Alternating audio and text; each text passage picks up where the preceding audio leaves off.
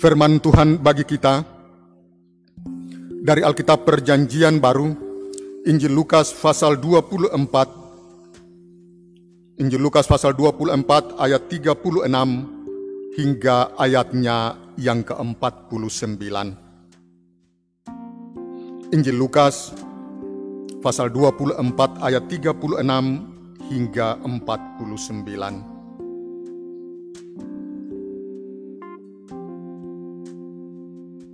Mari kita berdoa. Ya Tuhan, kami rindu dan kami ingin supaya di tengah-tengah pergumulan hidup dan kehidupan kami saat ini, sebagai jemaat, pribadi, dan keluarga, bahkan secara nasional, dan lebih-lebih kami yang berada di Provinsi Papua, Papua Barat, dan setiap kabupaten, kota, dan kampung. Kami ingin supaya kami dilawat oleh Engkau melalui salam damai sejahtera. Tidak hanya kepada para murid ketika kebangkitan itu terjadi, tapi kepada kami, supaya kami pun mengalami kekuatan. Di dalam nama Yesus, Salam damai sejahtera itu hendak kami beritakan dan kami mendengarkannya daripadamu sendiri.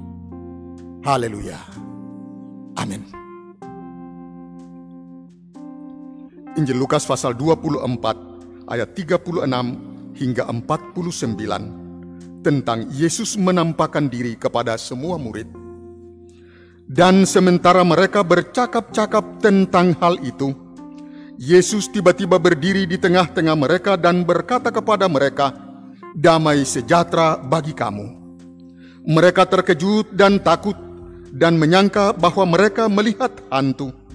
Akan tetapi ia berkata kepada mereka, "Mengapa kamu tak mengapa kamu terkejut dan apa sebabnya timbul keraguan-raguan di dalam hati kamu?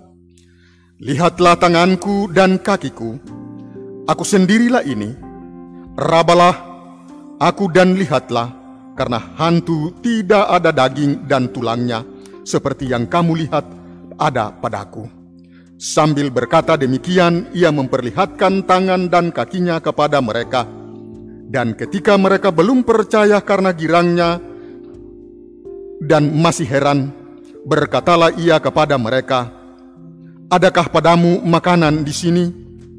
Lalu mereka memberikan kepadanya sepotong ikan goreng ia mengambilnya dan memakannya di, di depan mata mereka. Ia berkata kepada mereka, Inilah perkataanku yang telah kukatakan kepadamu ketika aku masih bersama-sama dengan kamu, yakni bahwa harus digenapi semua yang ada tertulis tentang aku dalam kitab Taurat Musa dan kitab nabi-nabi dan kitab Mazmur. Lalu ia membuka pikiran mereka sehingga mereka mengerti kitab suci. Katanya kepada mereka, ada tertulis demikian, Mesias harus menderita dan bangkit dari antara orang mati pada hari yang ketiga. Dan lagi dalam namanya berita tentang pertobatan dan pengampunan dosa harus disampaikan kepada segala bangsa mulai dari Yerusalem. Kamu adalah saksi dari semuanya ini dan aku akan mengirim kepadamu apa yang dijanjikan Bapakku tetapi kamu harus tinggal di dalam kota ini sampai kamu diperlengkapi dengan kekuasaan dari tempat tinggi. Demikianlah firman Tuhan.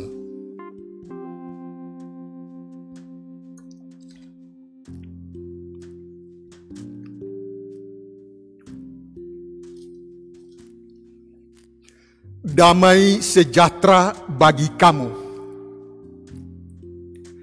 Bapak, Ibu, saudara-saudara jemaat yang sedang beribadah di rumah masing-masing, dan para pendengar yang mengikuti siaran ini, sapaan damai sejahtera bagi para murid. Sebenarnya, ini adalah sebuah sapaan atau terapi secara psikis dari Yesus kepada para murid. Istilah yang selalu kita gunakan adalah shalom. Salam sejahtera. sapaan ini hendak mengungkapkan tentang bagaimana kuasa Allah, bagaimana kasih dan pertolongan Allah yang dinyatakan oleh Allah kepada para murid ketika mereka ada di dalam kebimbangan, ketika mereka ada di dalam kekhawatiran, ketika mereka ada di dalam keputusasaan dan ketiadaan harapan di dalam hidup dan kehidupan mereka. Di ruangan yang tertutup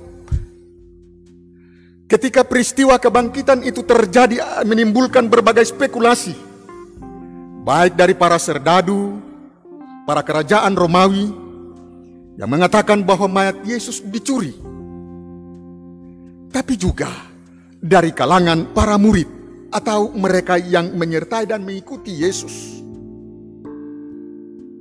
Hal ini membuat para murid kehilangan harapan membuat para murid tidak lagi memiliki sebuah pegangan dan kekuatan yang kokoh dan sungguh. Dan kenyataan ini kalau kita memperhatikan pembacaan yang kita baca pada ayat 36. Para murid sedang ada di dalam ruangan tertutup. Mereka sedang mendengarkan cerita dari dua orang orang yang baru pulang dari Emmaus. Sebuah pengalaman yang dialami oleh dua orang yang oleh karena Peristiwa kematian Kristus itu mereka sudah tidak lagi memiliki harapan lalu pulkam atau pulang kampung. Bukan hanya oleh karena mereka tidak lagi memiliki sebuah pegangan pengharapan, tetapi juga oleh karena ketakutan. Pengalaman dalam perjalanan ketika mereka berjumpa dengan Yesus dan mereka menceritakan kepada para murid yang lain di dalam sebuah ruangan yang tertutup oleh karena kekhawatiran dan ketakutan itu. Pada saat yang bersamaan, Yesus datang menjumpai mereka. Yesus menjumpai mereka dengan mengatakan, "Damai sejahtera bagi kamu." Yesus mau memulihkan keadaan takut mereka. Namun, Bapak, Ibu, saudara-saudara, kadangkala kekhawatiran, ketakutan, kebimbangan, dan keputusasaan bisa saja berdampak pada orang bisa berhalusinasi. Orang bisa saja kehilangan fokus. Yesus yang menjumpai dengan mereka, Yesus yang berbicara dengan mereka, oleh karena ketakutan, oleh karena keraguan, para murid menyangka Yesus adalah sosok yang lain, adalah hantu. Sehingga mereka tidak lagi mengenal Yesus. Mereka tidak lagi mengerti bahwa sesungguhnya sapaan damai sejahtera selalu dan senantiasa diungkapkan oleh Yesus dalam setiap perjumpaan dengan orang lain di dalam hidup dan kehidupan pelayanan ketika itu. Oleh karena ketakutan, oleh karena tidak jernihnya mata hidup mereka, maka mereka tidak mengenal Yesus dengan baik. Lalu apa yang dilakukan oleh Yesus ketika para murid sudah tidak lagi mengenalnya? Yesus mencoba untuk memulihkan kesadaran mereka. Ada hal yang dilakukan oleh Yesus yang kita jumpai di dalam bagian ini. Yesus meyakinkan para murid dengan berkata, "Inilah aku. Aku adalah Yesus." Dengan menunjukkan tangannya, dengan menunjukkan kakinya, dan meminta para murid untuk memegang atau meraba Hal ini dilakukan Yesus untuk meyakinkan bahwa sesungguhnya kalau hantu adalah sesuatu yang hanya menjadi bayangan tidak dapat dilihat secara nyata. Tetapi manusia Yesus dapat dilihat dan dapat dipegang. Bahkan sekalipun Yesus meminta para murid untuk melihat bekas paku pada tangannya dan kakinya, para murid belum lagi mereka dapat mengerti.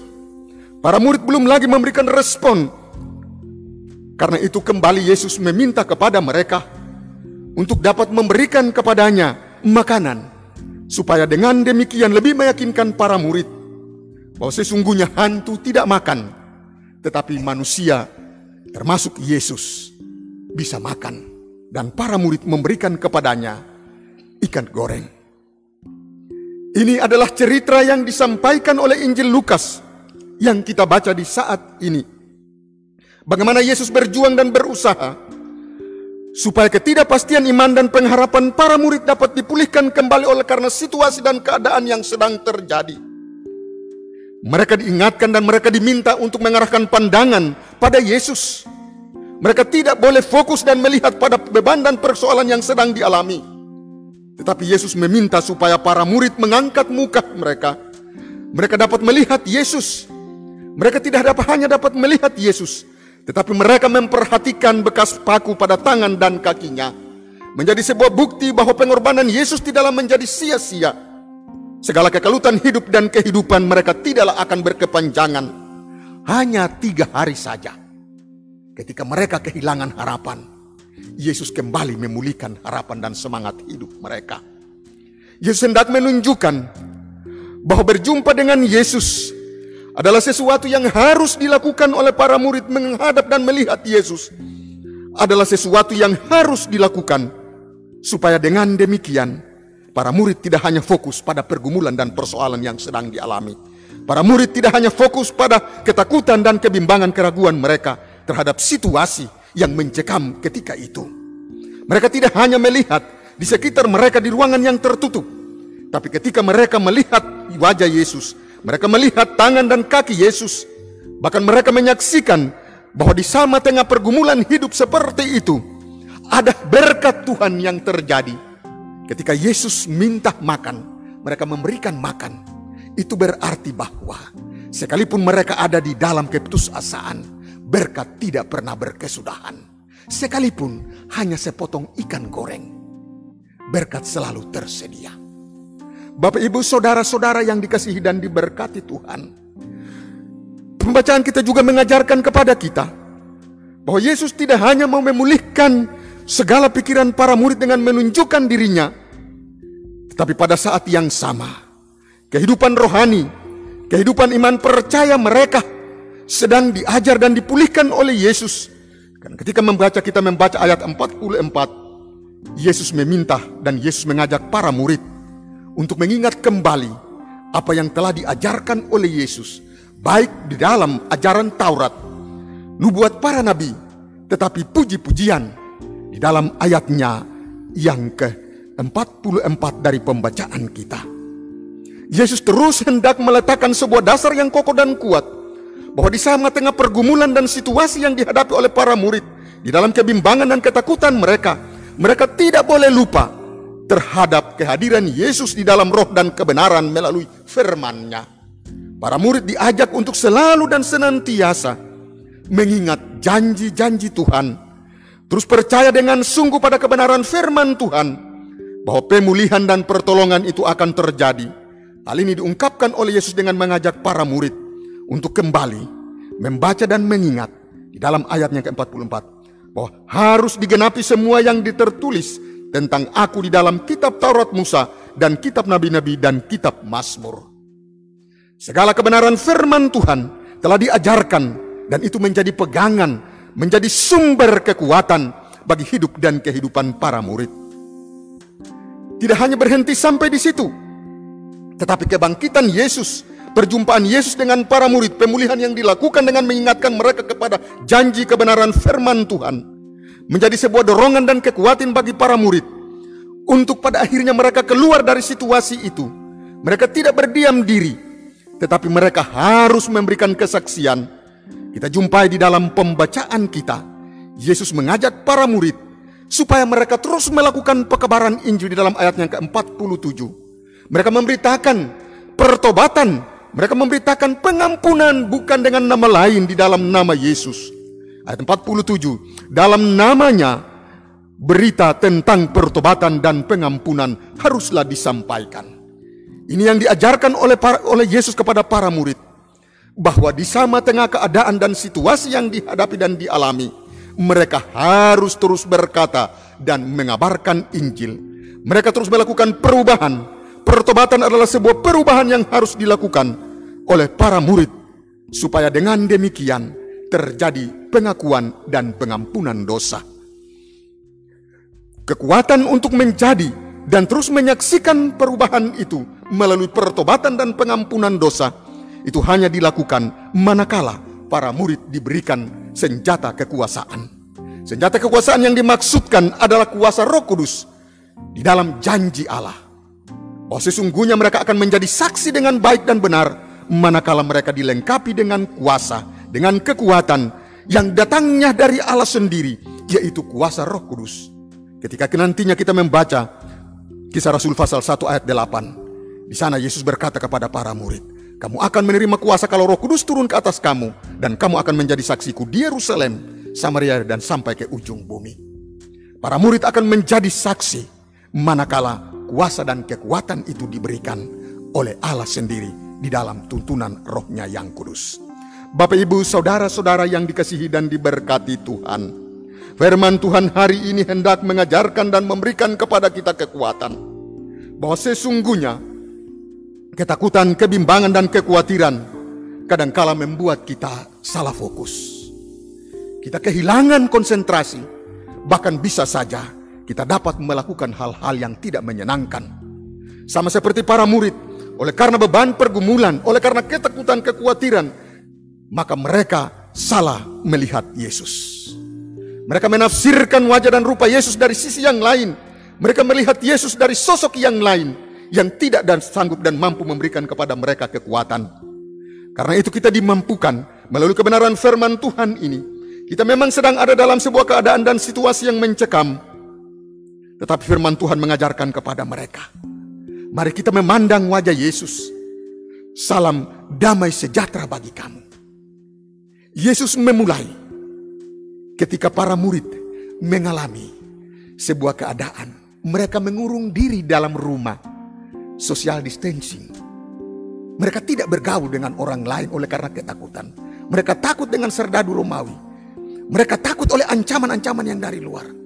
Mereka sendiri mengambil keputusan berdiam diri di rumah. Mereka tidak mau membangun relasi dengan yang lain. Bahkan hanya mereka dalam rumah saja. Ya, mereka tidak berjumpa dengan orang lain. Mereka tidak melakukan kontak. Ya, psikik fisikal distancing dengan orang lain. Hanya di antara mereka sendiri dalam rumah itu. Tapi Yesus datang. Sapaan damai sejahtera bagi kamu. Ya, ini psikis kalau secara fisik mereka tidak bersentuhan dengan orang lain, mereka membatasi diri. Yesus tahu bahwa secara psikis mereka sedang ada di dalam kehancuran. Karena itu, Yesus memulai mengobati mereka dari dalam psikis mereka. Damai sejahtera bagi kamu. Yesus memberikan kekuatan, sapaan damai sejahtera itu hendak mengangkat moral, iman, dan percaya para murid yang sedang down. Harapan mereka harus dipulihkan. Ketika orang lapar, orang tidak akan mengalami damai. Orang bisa punya segala sesuatu. Dia punya makan yang cukup tersedia. Dia punya kendaraan ada tapi kalau dia tidak beraktivitas keluar, dia tidak sejahtera. Dalam kondisi seperti itu bukan materi yang sedang menjadi bagian kesejahteraan. Bukan persoalan materi yang sedang menjadi bagian damai. Tetapi harus ada sebuah spiritualitas yang baik dan benar. Dan itu hanya diperoleh di dalam hati. Sapaan damai sejahtera ini hendak menjangkau semua lapisan sosial dari mereka yang tidak berdaya, dari mereka yang memiliki kecukupan, sampai mereka yang berkelebihan. Sebab apa artinya kalau dia punya segala sesuatu tapi dia tidak damai? Apa artinya dia punya kecukupan tapi dia tidak damai? Tapi kalau dia tidak punya sesuatu lalu dia gelisah, bisa saja membuat media menjadi melemah. Segala hal yang baik bisa dilihat dari sisi yang tidak baik. Dan Yesus memulai sebuah soterapi yang baru. Dengan sapaan damai sejahtera bagi kamu. Yesus mengangkat sebuah keadaan moral, iman dan percaya. Supaya mereka bangkit kembali. Mereka kuat kembali. Supaya dengan demikian ada kekuatan. Di dalam cara Yesus seperti itu, maka para murid mereka melihat dan merasakan. Hal yang kedua Bapak Ibu Saudara-saudara Kita ada di dalam sebuah keadaan yaitu oleh karena COVID-19. Mari kita juga belajar supaya oleh karena keadaan ini Yesus mengajak kita sama seperti para murid untuk kita mengangkat muka kita. Kita kita melihat, kita fokus pada Yesus sebab dia satu-satunya juru selamat hidup dan kehidupan kita. Dia yang mati, dia bangkit. Dia membawa sebuah perubahan, dia membuat sebuah pemulihan. Yesus mau mengajarkan kepada kita supaya kita tidak terlena, kita tidak hanya fokus pada pergumulan yang sedang terjadi. Tapi kita merubah pergumulan yang ada pada kita ini dengan terus mengarahkan pandangan pada Yesus. Dan salah satu cara Yesus mengajak kita untuk kita melihat dia adalah melalui ibadah-ibadah yang sedang terjadi. Sekalipun kita melaksanakan di rumah masing-masing. Karena itu, sekalipun kita tidak dalam perjumpaan, Baik ibadah hari Minggu seperti ini ataupun melalui ibadah-ibadah keluarga, ibadah KSP, ibadah unsur-unsur. Tetapi di setiap rumah, kiranya kita menggunakan tempat-tempat kita, mimbar-mimbar sembahyang kita di rumah, kita fungsikan setiap saat. Dan inilah bentuk dari kita terus melihat pada Yesus. Hal yang ketiga adalah jangan lupa di dalam keadaan seperti ini, kadangkala kita memiliki kegemaran untuk mencari berita sana sini tentang mencari kapan wabah ini berakhir. Ada tips seperti ini, ada tips seperti ini, ada cara seperti ini. Firman Tuhan hendak mengajar kepada kita. Semua informasi boleh kita terima, tapi jangan lupa Yesus mengingatkan para murid tentang hukum Taurat. Yesus mengingatkan para murid tentang nubuat nabi-nabi. Yesus mengingatkan para murid tentang puji-pujian yang diungkapkan oleh pemazmur. Mari kita pun Yesus mengajar kita, Yesus menghimbau kepada kita Supaya kita tidak hanya fokus untuk mencari berita-berita, tetapi kita juga fokus dengan memperhatikan, mengimani dan percaya yang sungguh janji-janji Tuhan di dalam kebenaran firman-Nya. Saya percaya kalau sejak tanggal 29 Maret saya catat, 29 Maret terakhir kita ibadah dengan membuat batasan di gedung gereja ini. Dan sesudah itu tanggal 5 sampai hari ini, kita beribadah di rumah masing-masing. Kalau selama waktu-waktu itu Seseorang memulai membaca kitab kejadian mulai dari pasal 1 sampai nanti COVID ini berakhir. berakhir. Setiap hari dia bisa selesai baca kejadian sampai wahyu. Kalau ini mau dilakukan, fokus pada kebenaran firman Tuhan. Dan kalau menggunakan waktu ini untuk terus baca firman Tuhan dari kejadian sampai wahyu, pasti COVID ini berakhir. Seseorang akan datang pada saya di dalam jemaat ini, dia akan bilang, Bapak Pendeta, COVID ini membuat saya baca kejadian sampai wahyu sampai selesai.